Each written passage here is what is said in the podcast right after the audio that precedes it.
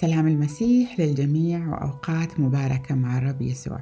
معكم أختكم سهر من المملكة العربية السعودية وفي سلسلة جديدة اسمها مقتطفات من حياتي.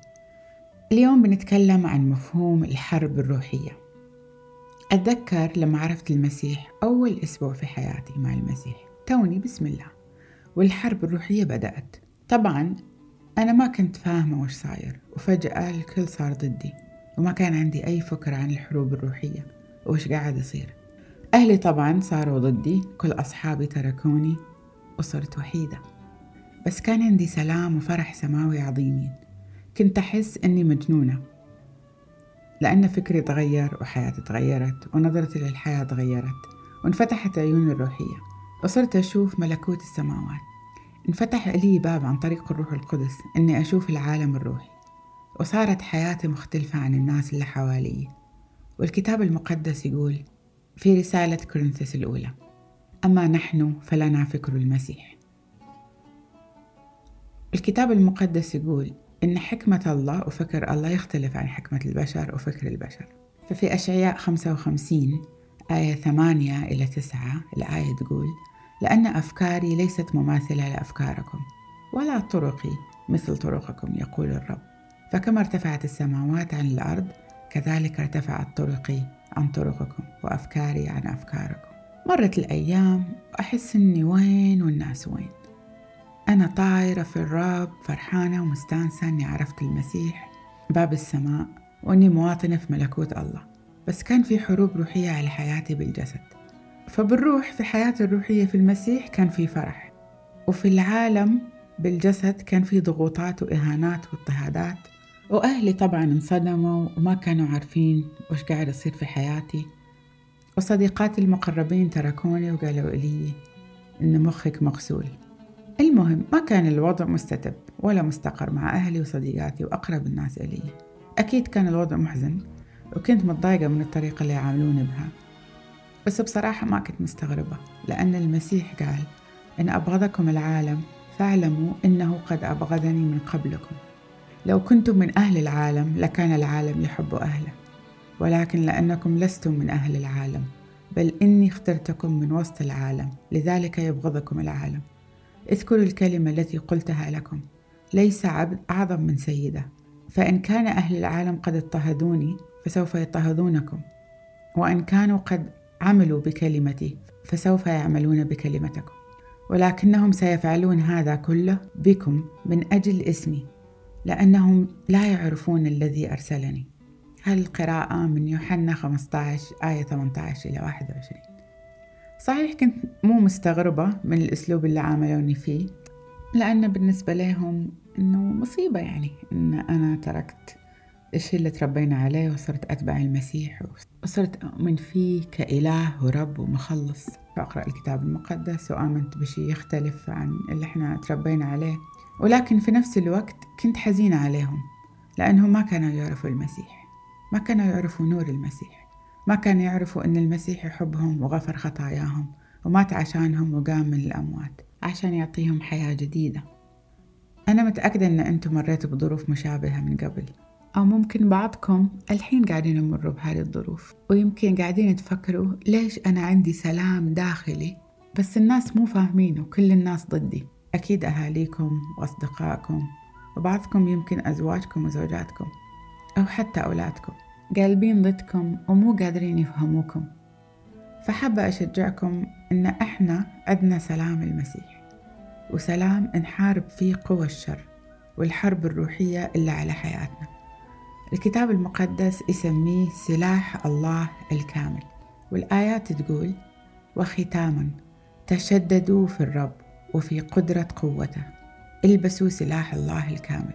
لتتمكنوا من الصمود في وجه مكائد إبليس. فإن حربنا ليست ضد ذوي اللحم والدم بل ضد الرئاسات ضد السلطات ضد أسياد العالم حكام هذا الظلام ضد قوى الشر الروحية في السماوات. لذلك اتخذوا سلاح الله الكامل. لتتمكنوا من المقاومة في يوم الشر. ومن الصمود أيضا بعد تحقيق كل هدف. فاصمدوا إذن.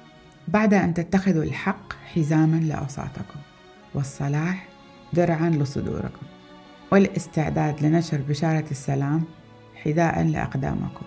وفوق هذا كله احملوا الإيمان. ترسا به تقدرون أن تطفئوا جميع سهام الشرير المشتعلة. واتخذوا الخلاص خوذة للرأس وكلمة الله سيف الروح. صلوا في كل حال بكل صلاة وطلبة في الروح. وساهرين لهذا الغرض عينه مواظبين تماما على جميع الطلبات لأجل القديسين جميعا. ففي هذه الآيات نتعلم كيف إن إحنا نواجه قوى الشر. كيف قوى الشر الروحية اللي في السماوات؟ يعني الشياطين والجن كيف إحنا عندنا سلطان عليهم وعندنا أدوات نقدر نستخدمها ضدهم اللي هي الحق والصلاح والاستعداد لنشارة بشارة السلام الإيمان الخلاص كلمة الرب هي سيف الروح. فكلمة الرب هي السيف اللي نحارب فيه آه، قوة الشر الروحية لأن كلمة الرب قوية. وإذا تتذكروا كمان المسيح لما صام أربعين يوم في البرية آه، جلى الشيطان وصار يقول له كلمات من الكتاب المقدس. بس المسيح ما سكت رد عليه بكلمات من الكتاب المقدس كمان وهذا هو سيف الروح. لما الشيطان يجي ضدنا بحرب روحية فلازم إحنا نرد عليه بالروح مو بالجسد لأن الحرب روحية ما هي جسدية.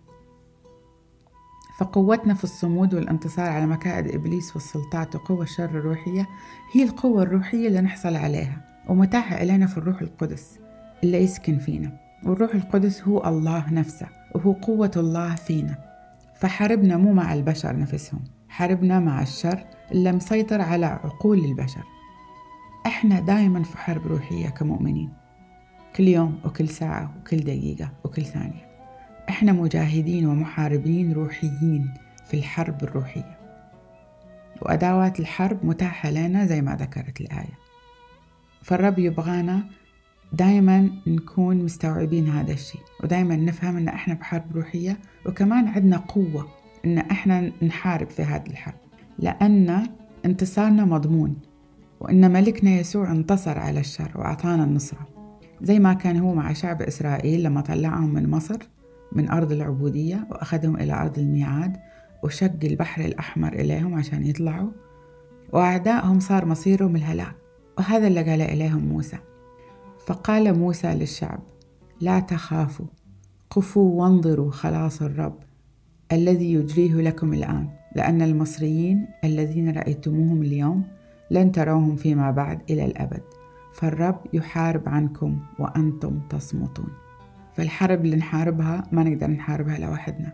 الرب يحارب من خلالنا من خلال القوة اللي تكمن فينا من خلال تمسكنا بقوة الروح القدس. فمهما كانت الظروف صعبة خلينا نتذكر أن الله أمين. هو يبغى الخير إلينا. والجبل اللي واقف قدامك بينزاح. والبحر اللي أمامك وأعدائك اللي وراك بيكونوا لا شيء وكالعدم.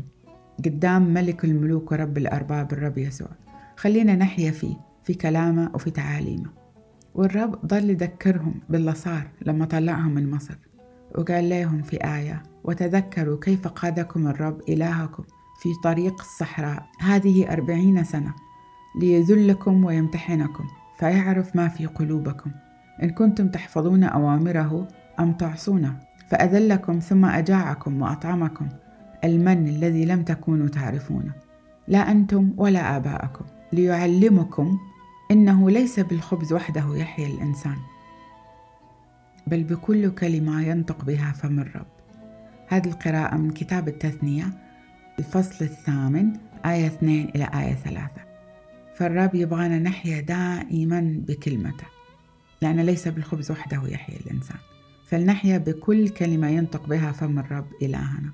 فخلونا دائما نجدد نظرتنا إلى أنفسنا كل يوم كل ساعة كل لحظة ونقارنها بكلام الرب في كتابه المقدس. ونتذكر إن إحنا في حرب روحية ونرتدي سلاح الله الكامل عشان نصمد ونقوى على مكائد إبليس. ونتأكد أن النصرة من نصيبنا.